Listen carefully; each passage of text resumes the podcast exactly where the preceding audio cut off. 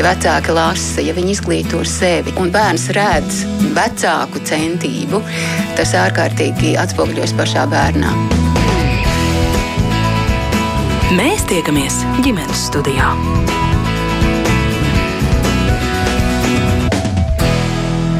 Labdien, klausītāji!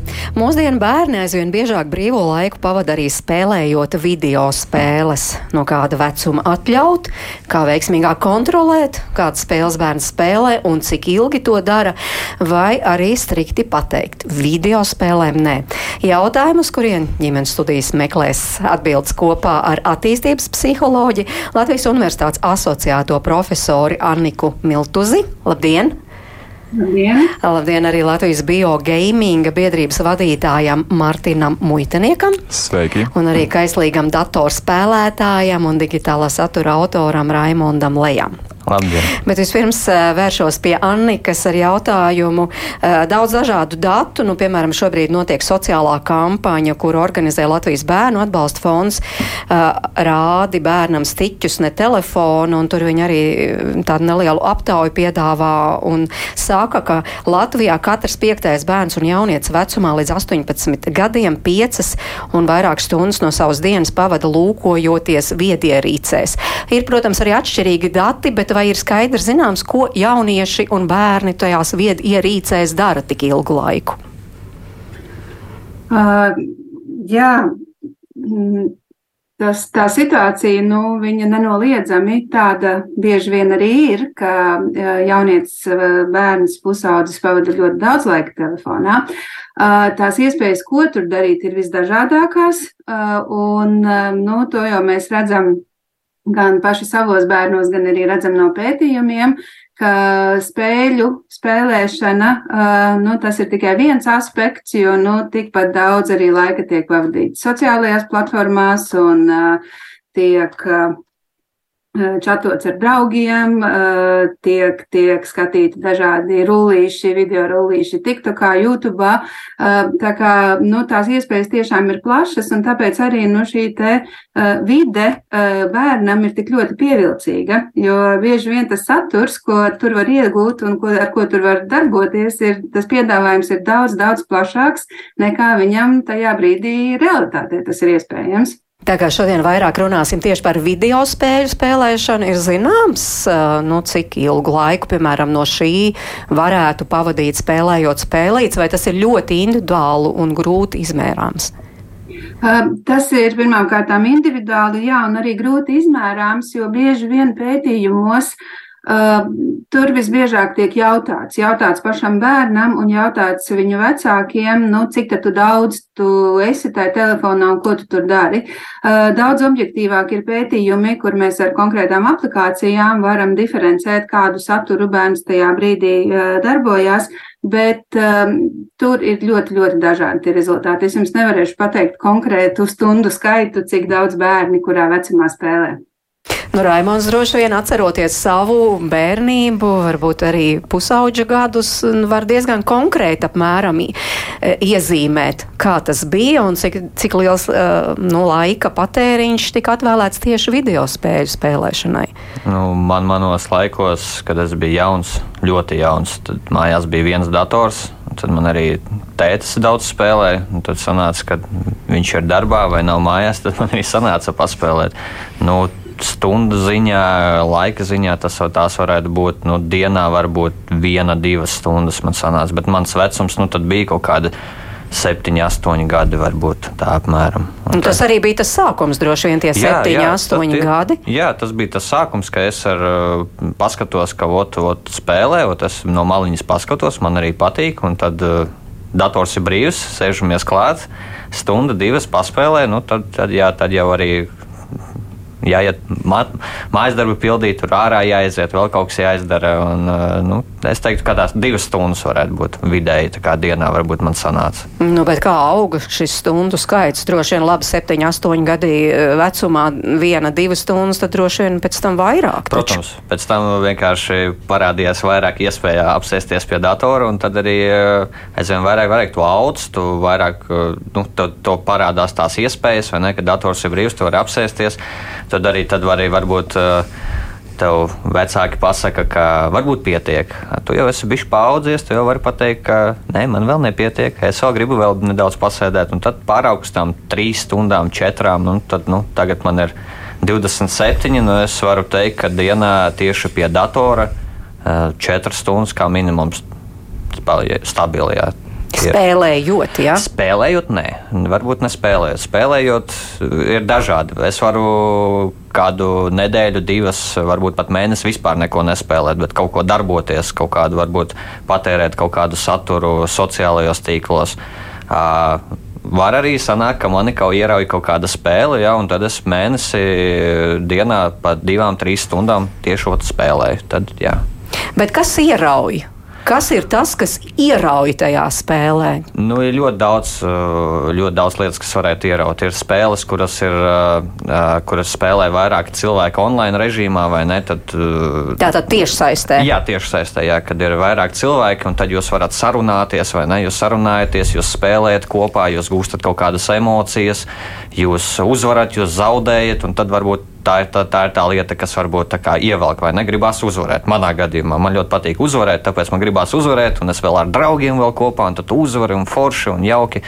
Uh, protams, tu iepazīsti jaunus cilvēkus. Ja, tas arī var būt kaut kāda, kaut kāda uh, sastāvdaļa. Ir spēles, kur ir jāspēlē vienam pašam.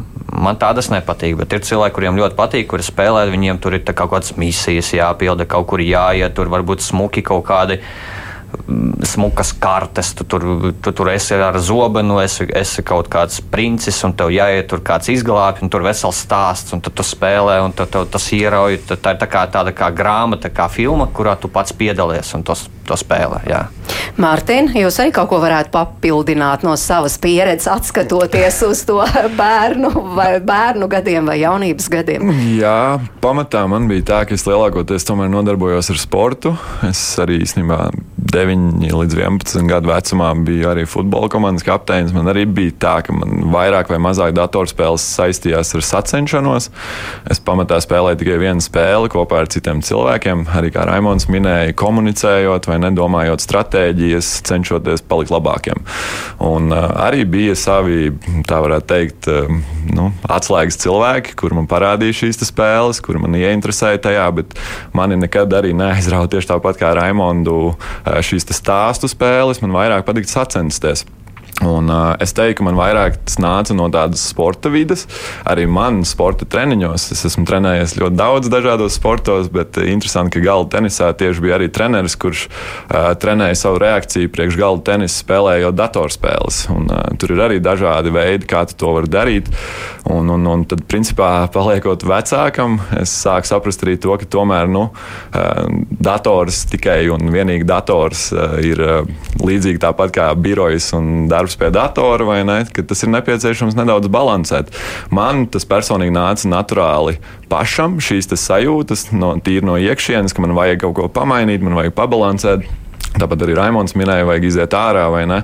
Taču ejot gadiem uz priekšu, es sapratu arī, ka aprecoties ar savu sievu, šis gamings var, tieši tā kā Raimons minēja, teikt, varbūt ieraut.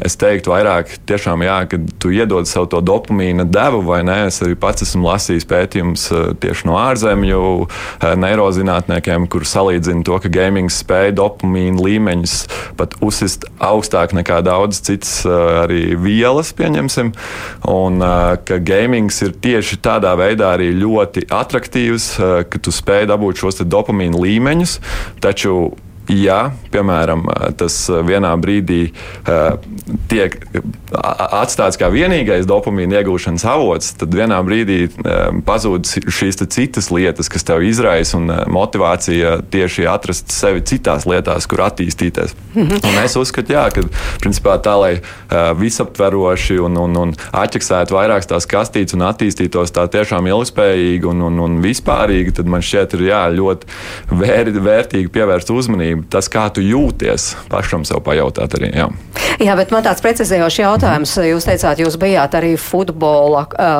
komandas kapteinis, bet tajā brīdī, kad sākāt aizrāvāties ar datorspēlēm vai video spēlēm, tas futbols aizbīdījās maliņā, vai vienmēr tas sports ir bijis klātesošs, paralēls? vienmēr ir bijis klātesošs. Es teiktu, ka tas arī man palīdzēja savā ziņā izbalansēt to, jo tev ir atbildības, tev ir vēl viena lieta, kur tu ieliec savu enerģiju un laiku.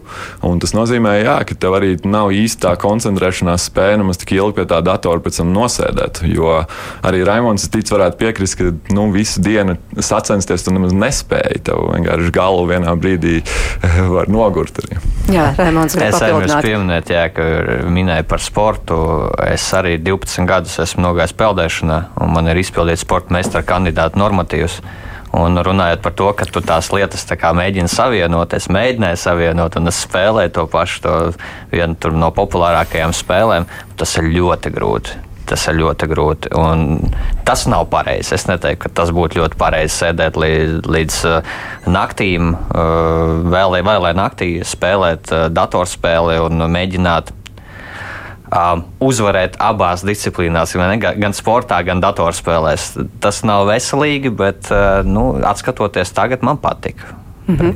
Jā, nu, tagad jau arī mūsdienu pētnieki ļoti daudz pēt šo jautājumu, un tā nesaka strikti jā vai nē. Saka, tur ir pozitīvās un negatīvās puses. Daudz, ko mēs jau dzirdējām šajos pieredzes stāstos, varbūt Annika no tās uh, akadēmiskās vidas, uh, ko saka, kas ir tie plusiņi un kas ir tie mīnusiņi.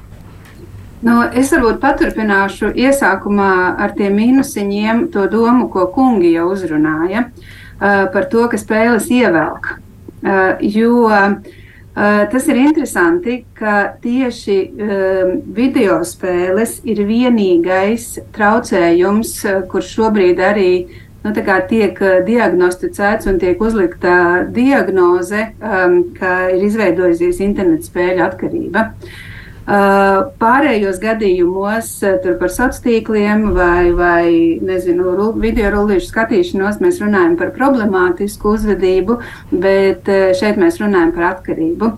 Un, un tie mehānismi jau tiešām ir tie, ko kungi norādīja, ka spēles ievelk, jo tur strādā šī bioķīmija, un uh, mūsu smadzenēm patīk. Ja?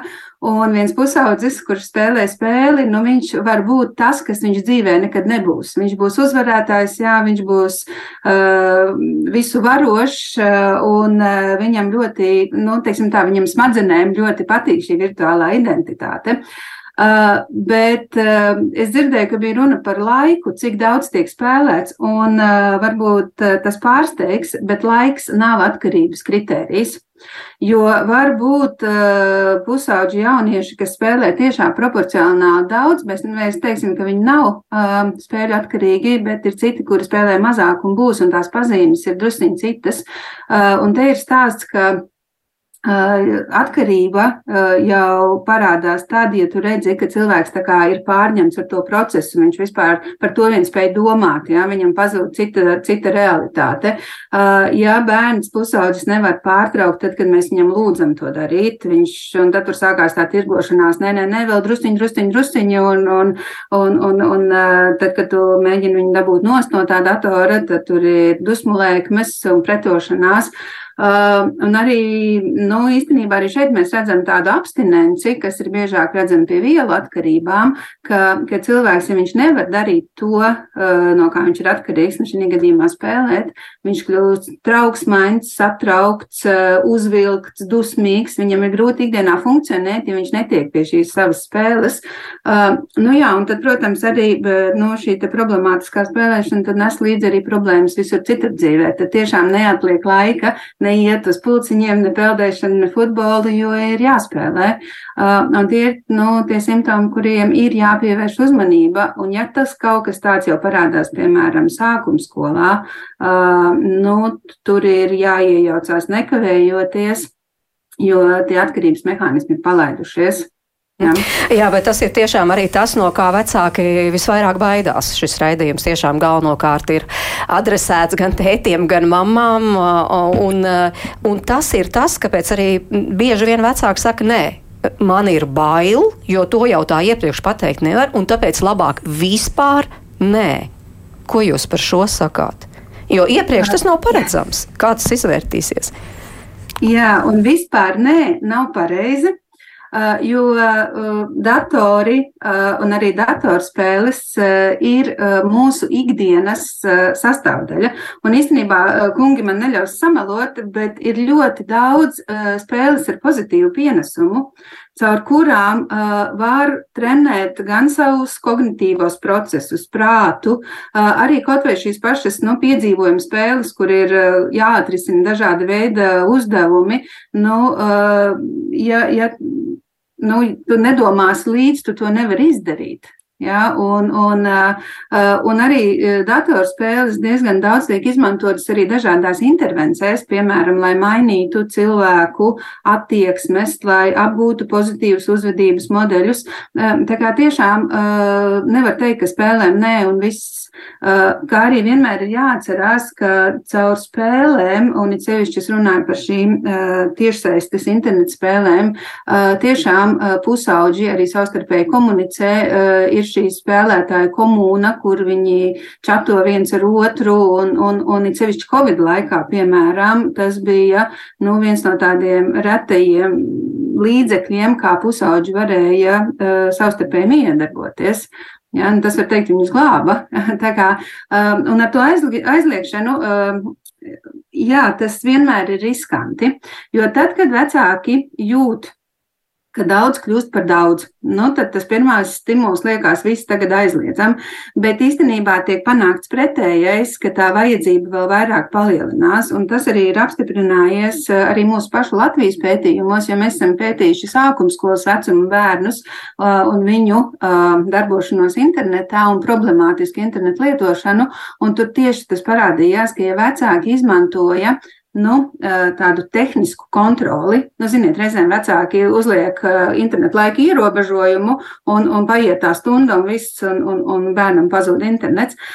Tas panāca pretēju efektu, jo vēl vairāk tika sakāpināta šī vajadzība pēc interneta, un, un, un, un bērni vēl vairāk pēc tā alka. Tā kā nu, tādi tehniskie līdzekļi noteikti nav labs risinājums.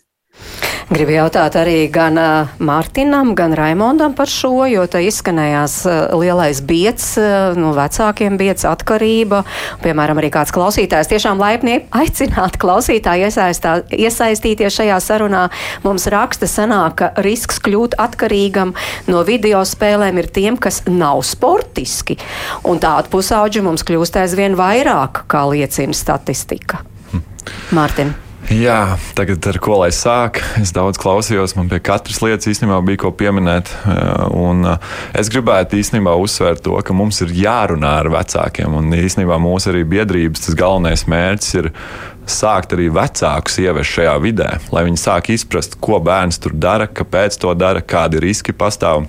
Jo tā arī ir vide, tā ir digitāla vide. Un, ja mēs sākam izprast to, ko bērns tur dara, ar ko viņš mīlēja, darbojās, kādas problēmas šeit pastāv, jo šī spēļu industrija un, eh, un, un, un šīs dažādas spēles ir ļoti, ļoti daudz. To pat iemācīties īsti eh, nevar tādā ļoti ātrā periodā. Eh, plus, ko arī mūsu austrāļu partneri ir uzsvēruši, kas strādā ar profesionālām e-sportu atlētu komandām, ka šī speciālisti arī sasaisti bieži vien ar bērniem ir problemātiski tieši šī iemesla dēļ, jo nav šī kompetence par spēlēm, par to, kā šī vide vispār funkcionē, kā notiek šī, šīs monetizēšanas. Un tāpēc arī mēs vadlīnijās iekļāvām vairākus aspektus par to, kā tas var ietekmēt, kā, kā vecāki arī var kaut ko nedaudz identificēt, plus arī dot ieteikumus savam bērnam, mm -hmm. paņemt pauzes un, un, un daudz citas lietas. Jā, mēs runāsim arī par vadlīniju vadlīnijām, jo Jā. tiešām arī Latvijas biogaming biedrība ir izstrādājusi vadlīnijas, tāds desmit punktus, kas būtu jāievēro visiem, kur aizraujas ar video spēļu spēlēšanu. Uh, bet, uh, nu, jūs teicāt, uh, tātad vecākiem tā būtu jāsaprot, kas tajā pasaulē notiek. Un tā tiešām daudziem vecākiem ir absolūti sveša pasaule. Nu, ko tas nozīmē? Pašiem jāsāk spēlēt. Nu, nu jā, es prasītu arī, vai, vai šeit ir jautājums, vai vecākam ir interese iedziļināties un saprast saprast to. Jo bieži vien, ja vecākam šī interese nav, un nu, vecāks tomēr līdz kaut kādam noteiktam vecumam ir šī bērna autoritāte. Arī tavi paradumi mājās, tavi, tavas eh, darbības eh, ir eh, bieži vien tas spogulis, vai ne? Un kādu piemēru mēs paši rādām, vai mēs gribam bērnam iedzināt tieši tāpat, to arī novērot arī sporta treniņos. Ir vecāki, kas iet bērniem līdzi uz treniņiem, par viņiem fano vai ne, un atbalsta viņus tajā pērk jaunu inventāru. Un tieši tāpat ir šajā pusē. Ja tu vari iekārtot bērnam ergonomiski ērtu vidi, lai viņš varētu tur pasēdēt kaut vai divas stundas, rado, radot šos kompromisus, ka tu saproti, tu laik pa laikam uzspēlēt kaut ko kopā. Iespējams, tāpat ir ļoti laba aktivitāte. To es vienmēr ieteiktu visiem, jo tad vecāks tiešām saprastu, kā tas ir. Jo zināšana nav puse no cīņas, un to es vienmēr piebilstu. Raimond, piekrītat? Es pilnīgi piekrītu. Vecākiem vajag iesaistīties, vajag vairāk pavadīt laika, vajag vairāk intereses tajā visā. Uh, nu, piemērs man no dzīves, man vecāki varbūt netik ļoti iesaistījās vai ne. Un, uh, Nu, es nevaru viņus vainot nekādīgi, bet uh, man jau liekas, ka ja viņi iesaistītos un ja viņi uh, mani varbūt vairāk saprastu un varbūt man palīdzētu, varbūt uh, es nodarbotos tagad ar kaut ko citu. Varbūt tiešām e-sports paliktu par manu kā pamat nodarbi un būtu mans pamat ienākums un es spēlētu kaut kādā foršā ļoti atpazīstamā, teiksim, kā jau sauc, klubā, komandā vai ne, un spēlēt un darīt to, kas man tiešām patīk, un pelnīt ar to naudu. Bet man tā nebija, man tā nesanāca. Un, um, piemērs tāds, ka man tagad ir brālis, kurš ir desmit gadus jaunāks, viņam jau 15 gados. Uh, Vecāki joprojām neiesaistījās.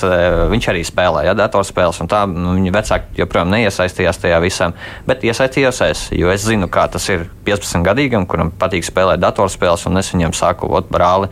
Ja tu vēlēsies, ja tu vēlēsies ar to nodarboties, ja tev tas ļoti patīk, tur konkrēta datorspēle, spēlē, darīsim visu, lai tu viņā paliec ar vien labāks, piesaistīsim speciālistus, iesim uz treniņiem, rīkosim tev treniņus tā, lai, nu, ja tev tas tiešām patīk un tev, tu, tu gribi ar to nodarboties, tad kāpēc nē?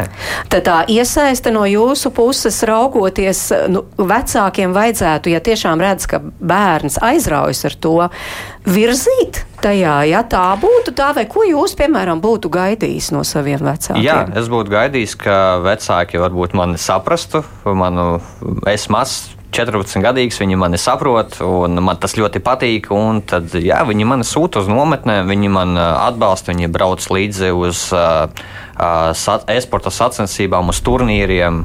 Uh, nu, Jā, kaut kā tā. Jā, jo te jārunā īstenībā par mhm. divām tādām dažādām pasaulēm, vēl sadalot šo Jā. video spēļu pasauli, jo tur ir jo kur jūs ierunājaties, ir šis e-sports, kas jau ir tiešām nu, tāds, kā varbūt arī, kad mazu bērnu aizved uz hokeju, kur sapņo būšu liels hokejists, jā, bet jā. ir arī, nu, taču video spēju spēlēšana uh, prieka pēc. Uh, Mārtiņ, varbūt vēl no jūsu puses vecāku iesaist, cik svarīgi tā tas jā. ir un kādai tai vajadzētu um, būt? Es teiktu, ka tā iesaist arī var būt ļoti dažāda ja bērns uh, grib spēlēt un viņam ir interese šajā, es vairāk uzskatu par to, ka ir ļoti grūti spriest par to, ko tu nezini. Un, uh, ja mēs, eh, ne, mums nav šīs kompetences un zināšanas, mēs paši nekad neesam pamēģinājuši, tad mēs simtprocentīgi to nesaprotam. Un tas, ko es vienmēr iesaku, ir vecākam iziet uz šo kontaktu, meklēt atbildes. Un kāpēc es aizgāju vispār šo ceļu, kur mēs gribam izglītot gan speciālistus, gan ģimenes un, un arī pašu esportistus, ja viņam šī interese ir. Arī šīs vadlīnijas nav nevienam uzspiestas, tas vairāk ir kā materiāls, ko mēs dodam jebkuram pieejam bez maksas. Ja ir interese, tad patērējam, pamēģinam praktizēt. Taču man šķiet, ka svarīgāk šeit ir saprast, ko no tā var iegūt. Jo vecāks no malas redz, ka bērns sēžas, smējos citreiz ar sievu par to, ka arī kaķi uz mums dīvaini skatās, ka mēs pie datora sēžam, jo viņi nesaprot, kas tas ir. Un tad, piemēram, ja tu sēdi pie datora, tu redzi tikai to darbību no ārpuses.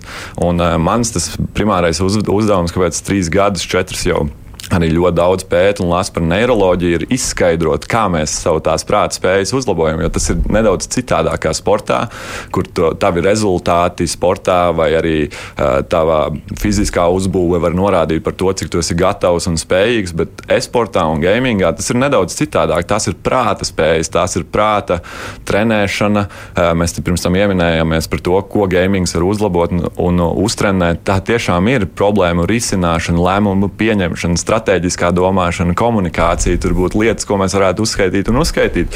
Taču atkal, vai tas neiet pāri maliņām, vai ne? Un tad mm -hmm. atkal, cik mēs cik mēs bieži atrodam to, ka tas kaut kādā veidā tiek sasniegts, vai, ne? vai, vai, bē, vai vecāks saprot, ka viņš darot to un to, viņš kaut ko sev uzlabo, vai, ne? vai, vai tur ir kaut kāds mērķis. Jo, ja tā ir vienkārši tāda baudas apmierināšana, tad es atgrieztos atpakaļ pie tā paša dopamīna, ko es teicu, vai ne? Šīs smadzeņu vielas arī, arī mums speciālisti pieminēja šo tieši bioķīmiju. Tas ir tas, ko es pētu, jo š, tiešām šīs lietas izstrādā mums šīs vielas, vai ne? Mums ir kaut kāda pamata dopamīna līmenis vai ne ķermenī, un tad gamings uh, ir tiešām salīdzināts ar daudzām vielām, uh, un ka gamings var pat līdz 300% uztaisīt šos te, uh, uzrāvienus dopamīnam, bet uh, tas var Tiešām, ja tas pārto par atkarību, tad sašaurinās tās citas lietas, ko tu esi motivēts darīt, jo tu centies tiekties tikai uz to, kas tev sagādā prieku. Bet, ja tas nav ar mērķi, tad bieži vien tas vienkārši var būt kā aktivitāte. Tiešām nu, jau sāk domāt, vai tā nav atkarība, vai, ne, vai, vai tas nav tā, mhm. vai tā nav izraušanās, vai tā nav kaut kāda nu, sevis apmierināšana. Nu, tas ir mans viedoklis. Nika, kāds ir jūsu viedoklis, kur jūs redzētos vecāku tiešām uzdevumus virzot savu bērnu? Un tiešām domājam par bērnu bērniem, kuriem tas interesē. Jo ir bērni, kuriem tas pilnīgi neinteresē, bet ir tādi, kuriem tas tiešām interesē un kur aizraujas. Um, jā, es gribētu uz, izcelt vēl vienu, vēl vienu aspektu uh, par bērnu vecumu, um, kurā vecumā mēs uh, priecājamies, ka bērnam interesē uh, video spēļu spēlēšana un kurā varbūt to nevajadzētu. Un uh, viennozīmīgi uh, pirmskolas vecums vēl nebūtu īstais laiks, kad vajadzētu apzināti stimulēt bērnu un virzīt uz uh, spēļu spēlēšanu. Jo uh, no attīstības viedokļa uh, mazs bērniņš, nu, viņam ir veicami ļoti daudz citi uzdevumi, lai, lai sagatavotos dzīvei. Viņam ir jāiegūst pieredze caur reālo vidi ļoti dažādā veidā, un viņš to pieredzi nevar iegūt uh, nu, caur ekrānu. Ja? Ekrāns nav alternatīva. Un tāpēc, piemēram, nu, es tomēr esmu stingri pārliecināta, lai kā mazam trīsgadniekam, četrgadniekam interesētu tas ekrāns, mēģinām viņu atturēt no tā, cik vien ir iespējams, jo viņam ir jāskrien, viņam ir jādarbojas, viņiem ir jānodarbina visas maņas, nevis tikai vizuāli jāskatās ekrānā. Ja? Tā kā nu, te ir stāsts par vecumu.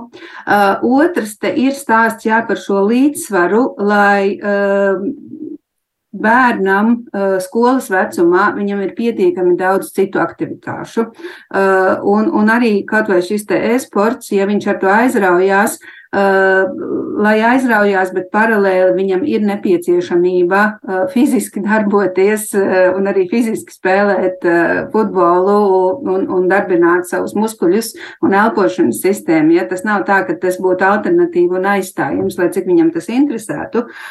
Un tad ir vēl viena lieta, ko varbūt tas ir saistībā ar tādu, nu, šo te ikdienas spēlēšanu, izklaides spēlēšanu.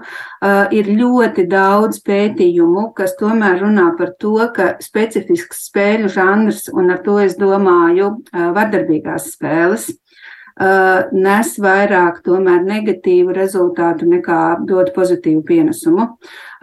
Un, Un es arī nu, noteikti gribu atsaukties uz, uz Amerikas Psiholoģijas asociācijas vadlīnijām. 2015. gadā tika nu, izdots tāds tiešām nopietns pārskats un ziņojums par uh, vardarbīgu video spēļu spēlēšanu.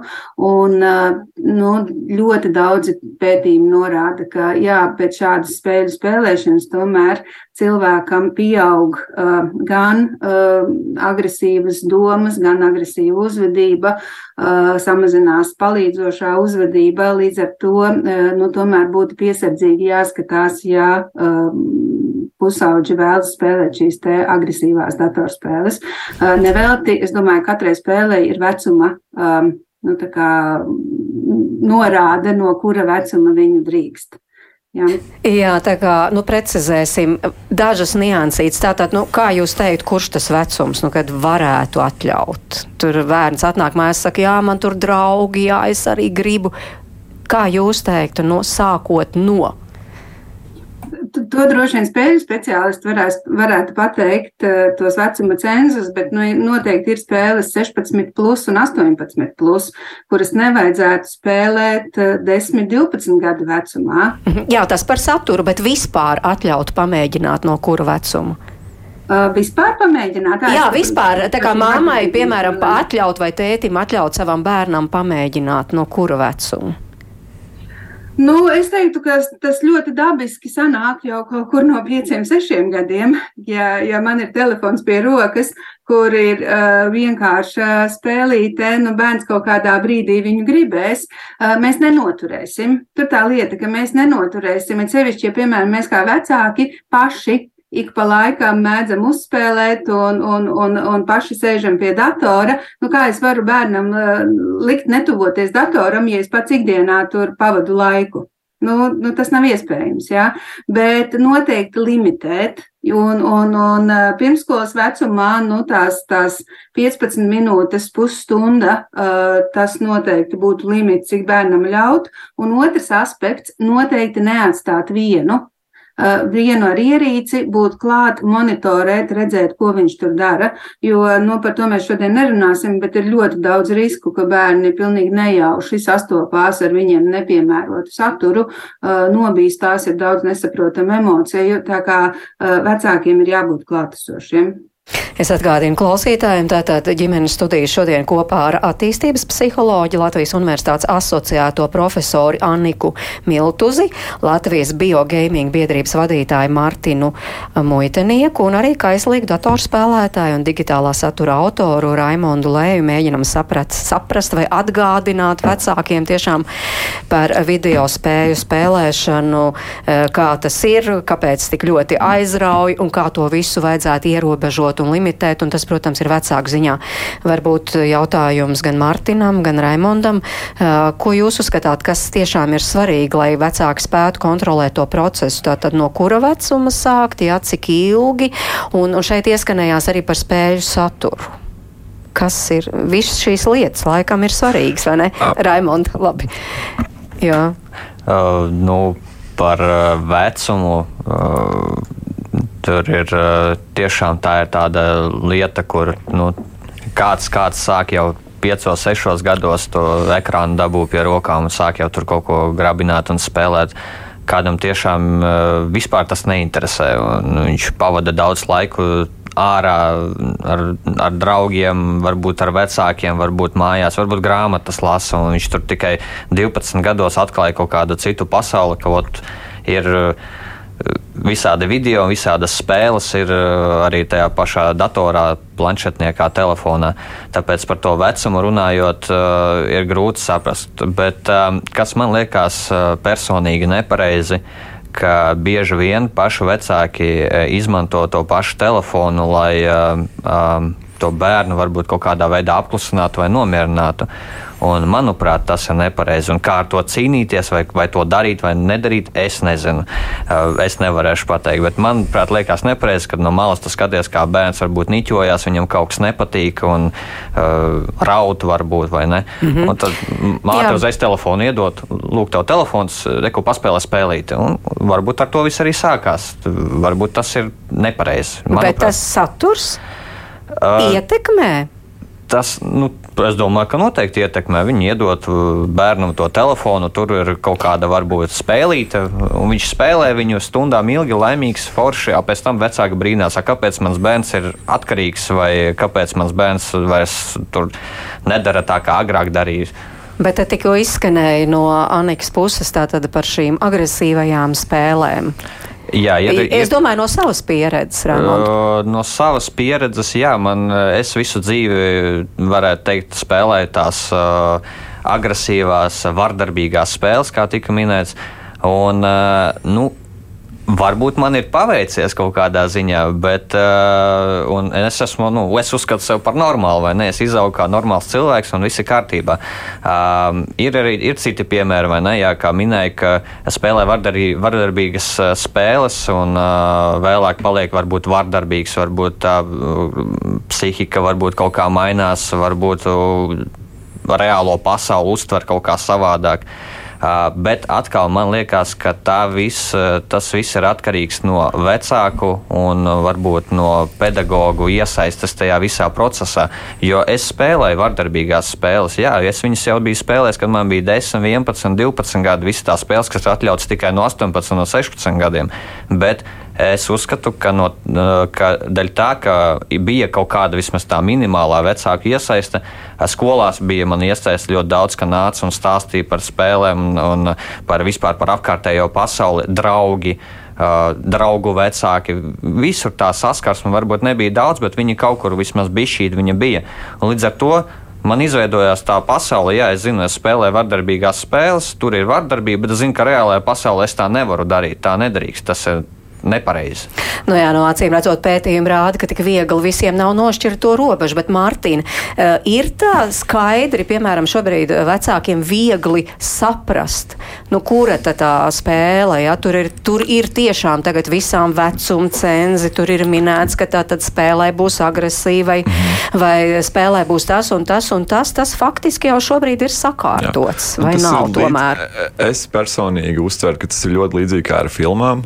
Arī jā, mēs norādām šo rekomendēto vecumu, mēs norādām, ar ko tu vari saskarties, bet nav tā, ka visbiežāk arī visi to tiešām ievēro. Es arī gribētu uzstāt pie tā, ka um, mēs tomēr katrs esam nedaudz uh, citādāks, savādāks, un mēs attīstāmies savādāk. Mēs katrs nākam no savas vietas, un, un tas attīstības process nenotiek visiem vienādi. Ne? ne visi nāk no, uh, no, no labturīgām ģimenēm, ne visiem ir vienmēr tas starta punkts vienāds. Tāpēc es uzskatu, jā, ka šis attīstības, smadzeņu attīstības posms iet līdz pat 25 gadiem. Un, kas ir interesanti, ko es labprāt šajā sakarā pieminētu, kāpēc ir jāizvairās, kāpēc es arī to apstiprinu. Agrā vecumā mēs strādājam ar zviedru pētnieci Anģeli Kortizi, kura tieši savu doktorantūras darbu izstrādāja saistībā ar spēles pārneses fenomenu. Viņa stāsta par to, kā mēs pārnesam zināšanas uz reālo dzīvi, no reālās dzīves uz uz, uz, uz digitālo vidi. Taču tas, ko viņi ir novērojuši, ir arī tas, ja pārāk agrā vecumā lieto jebkādu digitālu ierīci. Bērnam var fizioloģiski mainīties smadzenes, un viņi var sākt redzēt lietas, kas neeksistē reālajā dzīvē. Un šīs lietas es uzskatu, ka ir vēl jāpēta. Es domāju, ka jeb, jebkas no tā, kas ir ap datorspēlēm, tas tikai augs, attīstīsies. Es domāju, ka arvien vairāk vajadzētu pievērst tam uzmanību, sākt vākt statistikas, pētīt, intervēt gan kvalitatīvi, gan kvantitatīvi, bet censties tiešām uh, saskatīt šīs likumsakarības. Tikpat arī es esmu, piemēram, arī spēlējis šaušanas spēli. Tā bija mana mīļākā spēle, bet es to skatījos vairāk kā uz futbolu. Man nebija nereizi tāda vēlme. Um, iet un darīt to dzīvē. Es vairāk tiešām skatījos uz spēli analoģiski. Tas ir komandas darbs, tas ir tehniskas prasmes, tev ir jāiemācās tas, tev ir jāiemācās tas punktu skaitīšanas sistēma līdzīgi kā sportā. Un, uh, man arī, es esmu arī attīstījies, es pats gribētu domāt, ka, kā normāls cilvēks. Un, un, un man šķiet, ka tas ir ļoti jāsako līdzi arī vecākiem pašiem, jo katrs bērns ne visi ir ļoti emocionāli, ne visi ir. Ne visi ir pārāk varbūt, droši tieši meklēt šos izaicinājumus un iet riskos. Tāpēc tas jau noteikti arī ir no vecāka. Šis ir tas moments, kur vecākam būtu jāiesaistās. Viņš jau bērnu pazīst vislabāk. Mm. Un varbūt arī ir vērts apskatīties dažādas instrumentus, kas var palīdzēt. Mums partneri arī no Austrālijas, kuri, piemēram, ir izstrādājuši tādu instrumentu, kur, ja tu zini, kāda datorspēle ir tava mīļākā vai sports, tad tu vari atrast, piemēram, to pretējo sportu, kas ir ļoti, nu, principā, ja tu izvēlēsies tur futbolu, tad tev ir arī pretī spēle, ko tev būtu forši spēlēt, piemēram. Un tā ir ļoti daudz interesantas lietas, ko pētnieki jau dara un pēta, un, un, un ļoti daudz neirozinātnieki iesaistās šajā un pēta tieši to gaming ietekmi uz smadzenēm. Mm -hmm. Man tas arī tāpēc ļoti interesē un redzēsim. Daudz kas jau ir noteikti neatklāts. Un, uz jautājumu zīmēm. Jā, Annika, tiešām ļoti tiek pētīts šis jautājums, bet jūs tā piekrītoši mājāt ar roku, kad Mārtiņš teica par to, ka, diemžēl, nu, risks ir arī, ka var sajukt tā reālā pasaule ar to virtuālo. Uh, sajūgt reālā pasaulē ar virtuālo. Nē, nu, es nebūtu nedomāju, ka cilvēki, kuri saspēlējuši šaušanas spēles, meklē ieroci un dodas dzīvē kādu nogalināt. Um, par, par to nav stāsts. Um, tas, ko rāda pētījumi, uh, ka, ja, piemēram, pusaudzis pavada uh, proporcionāli daudz laika šādā agresijas piesātinātā spēlē, Uh, nu, tātad viņas smadzenes jūtās, nu, ka viņas tur ir, viņas reāli, reāli piedalās, viņš ir tur iekšā. Ja? Un ir ļoti forši, ja var nu, tā kognitīvi apzināti nošķirt, ka es tagad saprotu, jā, ka es, es tikai skatos uz to kā uz filmu, bet es tur nesmu. Bet tā jau ir mūsu nu, pieaugušo privilēģija, ka mēs to varam izdarīt. Um, skolas vecuma bērniem, viņi ir iekšā tajā, ko viņi dara, viņi tur jūtās kā tie, kas tur dara, un viņu smadzenes dzīvo tajā realitātē. Un, un, un tas, kas ir lielākais risks, ka esot nu, tādā ikdienā, tādā vardarbīgā realitātē, cilvēkā mainās attieksme pret vardarbību, pret agresiju. Cilvēki paliek iecietīgāki pret agresiju. Un, un, un kā mēs to redzam dzīvē, ka ne jau šis nu, pusaudzis pati, pats iet un kādam sit, bet tad, kad viņš redz, ka nu, ir kaut kāds mobbings, nu, viņa klātbūtnē vērsts pret citiem, viņš iespējams nu, to vairāk uztvers kā normu un neuzskatīs, ka viņam būtu jāiejaucās vai kaut kas nu, būtu jādara, lai tas nenotiktu. Nu, kā, šis ir tikai viens piemērs, kas ir varbūt tie riski. Uh, un, uh, Jā, bet, bet tā galvenā vadlīnija tomēr ir par to, ka rūpīgi skatāmies eh, tieši, ko dara bērni un pusauģi šajās spēlēs, jo pieaugušie nu, ir paši atbildīgi un spēj pieņemt lēmumus un spēj sevi kontrolēt, bet, bet bērniem un pusauģiem, nu, ņemot vērā, ka viņu smadzenes tiešām vēl nobriest, uh, nu, viņi ir daudz jūtīgāki un uzņēmīgāki pret šiem efektiem. Jā, es skatos, ka laiks strauji iet uz priekšu un gribu nolasīt arī dažus komentārus. Mums kāda māma raksta tiešām, ka aizvien biežāk šis rekomendējamais laiks eh, pārsniedz, eh, nu tā tad eh, jaunieši bērni aizvien vairāk ir ekrānos un tas ietekmē viņu gan uzvedību, gan arī attiecības ģimenē. Tad, piemēram, Ivars raksta, es domāju, ka veicināt šo nevajag bērnam, sevišķi mazam patīk viss viss, kas kustas un loģiski, viņš tur sēdēs un uh, blenzīs tajā ekrānā un visas uzskaitītās lietas, uh, ko jūs te minējāt, kā pozitīvus piemērus, tās var sasniegt arī reālajā dzīvē. Un uh, tad, jā. Eh, arī Ilze raksta, piekrītu, ka vecākiem ir jāizrāda interesi, jābūt lietas kursā, ar ko aizraujas bērns savā ekrānā, bet tas patiešām nav viennozīmīgi. Ieinteresēties pašam spēlēt līdzi, fanot, jā, vienlaikus ir zināms, cik daudz jau pavadām ekrānos, tāpat viss redz problēmas un tam, tam līdzīgi, tā kā vecākiem tas nemaz nav tik vienkārši izpildāms. Un uh, vēl te mums ir, piemēram, arī kāds spēlētājs, pirms 40 gadiem, kurām šobrīd tuvojas 40, saka, uzskata, ka liela problēma ir, ka joprojām Latvijā uh, nu, ir tāds pieņēmums, ka datorspēles tās ir, nu, nozīmē bīdīt klucīšu vai šauju. Uh, ir tik daudz labu un izglītojošu spēļu, un ir spēles, kurās stāsts uh, pārsit jebkuru mākslas filmu vai grāmatu, un vecākiem būtu jāparāda arī šīs spēles un jābeidz uh, tas tantu uzskats, ka tikai visās spēlēs šauj, un, un piemēram, nu jā, un, un, un ka ir tikai tā. Bet es tomēr gribu vēl ieskicēt vienu lietiņu, ka pirms laiks, ģimenes studijas laiks nav beidzies. Šeit pieminēja tātad spēles izklaidē, un šis e-sports, kurš, es saprotu, pasaulē kļūst aizvien populārāks, un, un tā patiešām jau ir tāda profesionāla lieta, un, starp citu, man pārsteidz, nesen parādījās tāda ziņa, ka tā tad 22 gadus vecais pašmāju Counter-Strike spēlētājs Danis Sīls kļūs par pirmo latvietu, kurš iegūs 100% apmaksātas studijas ASV augstskolā kā e-sporta pārstāvis. Viņš tātad studēs Lindenvudas universitātē, apgūs biznesa administrāciju un menedžmentu. Un, un man tas tā, wow, tiešām, jo vienmēr līdz šim ir dzirdēts, nu kā tie reālie sportisti, jā, viņiem šādas priekšrocības tiek piedāvāts, bet pasaulē izrādās viss plūst un mainās. Un tā tomēr ir arī realitāte, ar kur ir jārēķinās. Iespējams, arī vecākiem. Man ir bijusi arī šī iespēja parunāt gan ar uh, viņa aģentu rakstā norādīto, gan ar viņu pašu.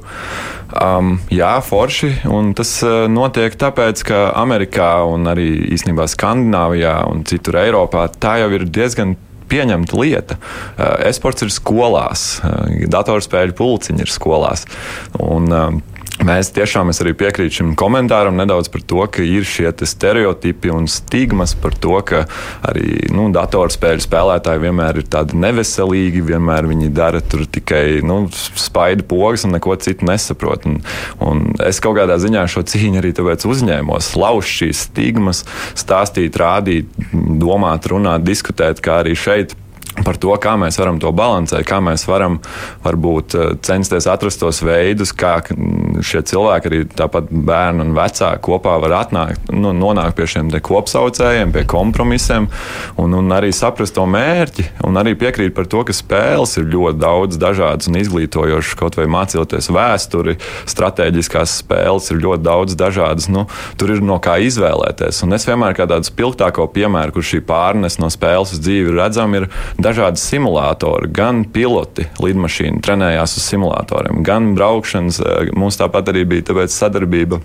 ar autozīmolu, eh, kur mēs parādījām šo pārneses efektu, kā Walters, kurš tagad ir tieši čempions, nesen kļuva par čempionu Porsche turnīrā, um, trenējās uz šī simulātora, kas ir principā pieslēgts simulators pie datora, un tu brauc un trenējies digitālā vidē. Jo bieži vien arī eh, šeit ir finansiālā puse ļoti runā, jo, jo daudz autozīmoli apzinās, ka tas ir ļoti dārgs sports. Vienā momentā tev ir nepieciešama liela nauda, un tad šādā veidā daudz lielie zīmoli atrisina šo, ka viņi šos talantus var meklēt, trenēt jau šādā veidā kur ir ļoti pietuvināts dzīvē šis modelis, vai ne? Kā tu to dari. Bet par izglītību, jā, tas ir ļoti daudzās eh, skolās, vietās ir šādas arī programmas. Arī mēs paši esam uzrunājuši vienu no Latvijas skolām. Šobrīd paturējuši noslēpumā, bet, bet arī mēs esam virzījuši uz to pusi, esam gājuši runāt ar skolām. Un, un, un es teiktu, ka jā, nu, tur ir jāmeklē vienkārši tādi kopsaucēji un jācenšas vairāk parādīt to varbūt labo pusi, nevis tikai slikto pusi. Bet, ja jūs domājat, Raimond, piekrītat, ka vajadzētu varbūt arī šo ne tikai vecākiem skaidrot eh, par iegūmiem un, protams, arī par tiem riskiem, kas ir ļoti augsti. Bet varbūt arī šādi virzītu to procesu, nu, piemēram, skolās eh, tādi pulciņi, kur Manuprāt. grūti, grūti, man grūti to tagad iedomāties, piemēram, ka vispār to varētu mūsu, mūsu publika pieņemt, bet, bet jā, nu, tādā veidā arī. Uh, nu, uh, izslēdzot tos lielos riskus, par kuriem te runājam, kaut tas, kā liekas, virzot pareizi. Tas būtu vispareizāk, ja tas būtu skolās tieši tāpēc, ka tad uh, tāda būtu kaut kāda mazāk darba pašiem vecākiem. Skolās noteikti tiktu izstrādātas tās kaut kādas vadlīnijas vai ne, tās kaut kādas mācību procesi, kā tam ir jānotiek.